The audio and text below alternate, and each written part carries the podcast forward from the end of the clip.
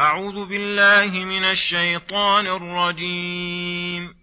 وقالت اليهود عزير ابن الله وقالت النصارى المسيح ابن الله. ذلك قولهم بأفواههم يضاهئون قول الذين كفروا من قبل. قاتلهم الله أنا يؤفكون. اتخذوا أحبارهم ورهبانهم أربابا من دون الله والمسيح ابن مريم وما أمروا إلا ليعبدوا إلها واحدا لا إله إلا هو سبحانه عما يشركون يريدون أن يطفئوا نور الله بأفواههم ويأبى الله إلا أن يتم نوره ولو كره الكافرون هو الذي أرسل رسوله بالهدى ودين الحق ليظهره على الدين كله ولو كره المشركون. يا أيها الذين آمنوا كثيرا من الأحبار والرهبان ليأكلون أموال الناس بالباطل ليأكلون أموال الناس بالباطل ويصدون عن سبيل الله والذين يكنزون الذهب والفضة ولا ينفقونها في سبيل الله فبشرهم بعذاب أليم.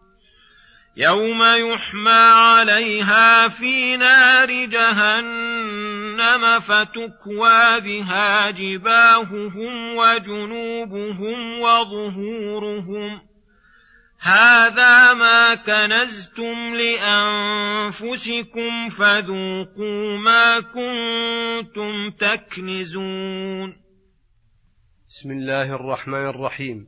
السلام عليكم ورحمة الله وبركاته.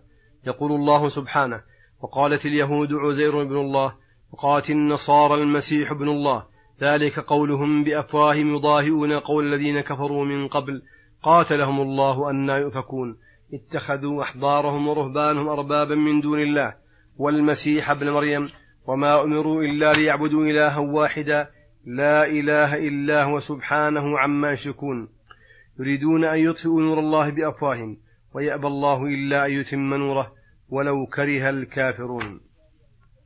لما أمر تعالى بقتال أهل الكتاب ذكر من أقوالهم الخبيثة ما يهيج المؤمنين الذين يغارون لربهم ولدينهم. على قتالهم والاجتهاد وبذل الوسع فيه فقال وقالت اليهود عزير بن الله وهذه المقالة وإن لم تكن مقالة لعامتهم فقد قالها فرقة منهم فيدل هذا على أن في اليهود من الخبث والشر ما أوصلهم إلى أن قالوا هذه المقالة التي تجرأوا فيها على الله وتنقصوا عظمته وجلاله.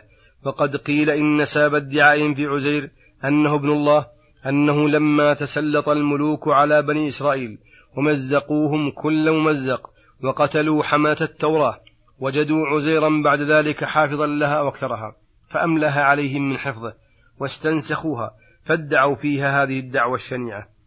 وقالت النصارى المسيح عيسى ابن مريم ابن الله قال الله تعالى ذلك القول الذي قالوه قولهم بأفواههم لم يقيموا عليه حجة ولا برهانا.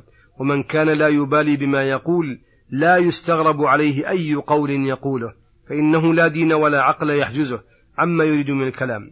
ولهذا قال يضاهئون أي يشابهون في قولهم هذا قول الذين كفروا من قبل أي قول المشركين الذين يقولون الملائكة بنات الله تشابهت أقوالهم في البطلان. قاتلهم الله أن يؤفكون أي كيف يصرفون عن الحق الصرف الواضح المبين إلى القول الباطل المبين وهذا وإن كان يستغرب على أمة كبيرة كثيرة أن تتفق على قول يدل على بطلانه أدنى تفكر وتسليط للعقل عليه. فإن ذلك السبب وهو أنهم اتخذوا أحبارهم وهم علماؤهم ورهبانهم أي العباد متجردين العبادة أرباب من دون الله. يحلون لهم ما حرم الله فيحلونه ويحرمون لهم ما حل الله فيحرمونه. ويشرعون لهم من شرائع والأقوال المنافية دين الرسل فيتبعونهم عليها وكانوا أيضا يغلون في مشايخهم وعبادهم ويعظمونهم ويتخذون قبورهم أوثانا تعبد من دون الله وتقصد بالذبائح والدعاء والاستغاثة والمسيح بمريم اتخذوه إلها من دون الله والحال أنهم خالفوا في ذلك أمر الله لهم على ألسنة رسله. قال الله تعالى وما أمروا إلا ليعبدوا إلها واحدا لا إله إلا هو فيخلصون له العبادة والطاعة ويخصونه بالمحبة والدعاء فنبذوا أمر الله وأشركوا به ما لم ينزل به سلطانا وسبحانه وتعالى عما يشركون أي تنزه وتقدس وتعالت عظمته عن شركهم وافترائهم فإنهم ينتقصونه في ذلك ويصفونه بما لا يليق بجلاله والله تعالى العالي في أوصافه وأفعاله عن كل ما نسب إليه مما ينافي كماله المقدس فلما تبين أنه لا حجة لهم على ما قالوه ولا برهان لما أصلوه وإنما هو مجرد قول قالوه وافتراء افتروه أخبر أنهم يريدون بهذا أن يطفئوا نور الله بأفواههم ونور الله دينه الذي أرسل به الرسل وأنزل به الكتب وسماه الله نورا لأنه يستنار به في ظلمات الجهل والأديان الباطلة فإنه علم بالحق وعمل بالحق وما عداه فإنه بضده. فهؤلاء اليهود والنصارى ومن ضاهاهم من المشركين يريدون أن يطفئوا نور الله بمجرد أقوالهم التي ليس عليها دليل أصلا. ويأبى الله إلا أن يتم نوره لأنه النور الباهر الذي لا يمكن جميع الخلق لو اجتمعوا على إطفائه أن يطفئوه والذي أنزله جميع نواصل والذي أنزله جميع نواصي العباد بيده. وقد تكفل بحفظه من كل من يريده بسوء. ولهذا قال ويأبى الله إلا أن يتم نوره ولو كره الكافرون. وسعوا ما أمكنهم في رده وإبطاله. فإن سعيهم لا يضر الحق شيئا. ثم قال ثم بين تعالى هذا النور الذي تكفل بإتمامه وحفظه فقال هو الذي أرسل رسوله بالهدى ودين الحق يظهره على الدين كله ولو كره المشركون. هو الذي أرسل رسوله بالهدى الذي هو العلم النافع ودين الحق الذي هو العمل الصالح. فكان ما بعث الله به محمدا صلى الله عليه وسلم مجتمع على بيان الحق من الباطل في أسماء الله وأوصافه وأفعاله وفي أحكامه وأخباره والأمر بكل مصلحة نافعة للقلوب والأرواح والأبدان. من إخلاص الدين لله وحده ومحبة الله وعبادته والأمر بمكارم الأخلاق ومحاسن الشيم والأعمال الصالحة والآداب النافعة والنهي عن كل ما يضاد ذلك ويناقضه من الأخلاق والأعمال السيئة المضرة للقلوب والأبدان والدنيا والآخرة. فأرسله الله بالهدى ودين الحق ليظهره على الدين كله ولو كره المشركون أي ليعليه على سائر الأديان بالحجة والبرهان والسيف والسنان. وإن كره المشركون ذلك وبغوا له الغوائل ومكروا مكرهم فإن المكر السيء لا يضر إلا صاحبه. ووعد الله لا بد أن ينجزه وما ضمنه لا بد أن يقوم به. ثم يقول سبحانه يا أيها الذين آمنوا إن كثيرا من الأحبار والرهبان ليأكلون أموال الناس بالباطل ويصدون عن سبيل الله الآيات. هذا تحذير من الله تعالى لعباده المؤمنين عن كثير من الأحبار والرهبان أي العلماء والعباد الذين يأكلون أموال الناس بالباطل أي بغير حق ويصدون عن سبيل الله. فإنهم إذا كانت لهم رواتب من أموال الناس أو بدل الناس لهم من أو بدل الناس من لهم من أموالهم فإنه لأجل علمهم وعبادتهم ولأجل هداهم وهدايتهم. وهؤلاء يأخذونها ويصدون الناس عن سبيل الله فيكون أخذهم لها على هذا الوجه سحتا وظلما.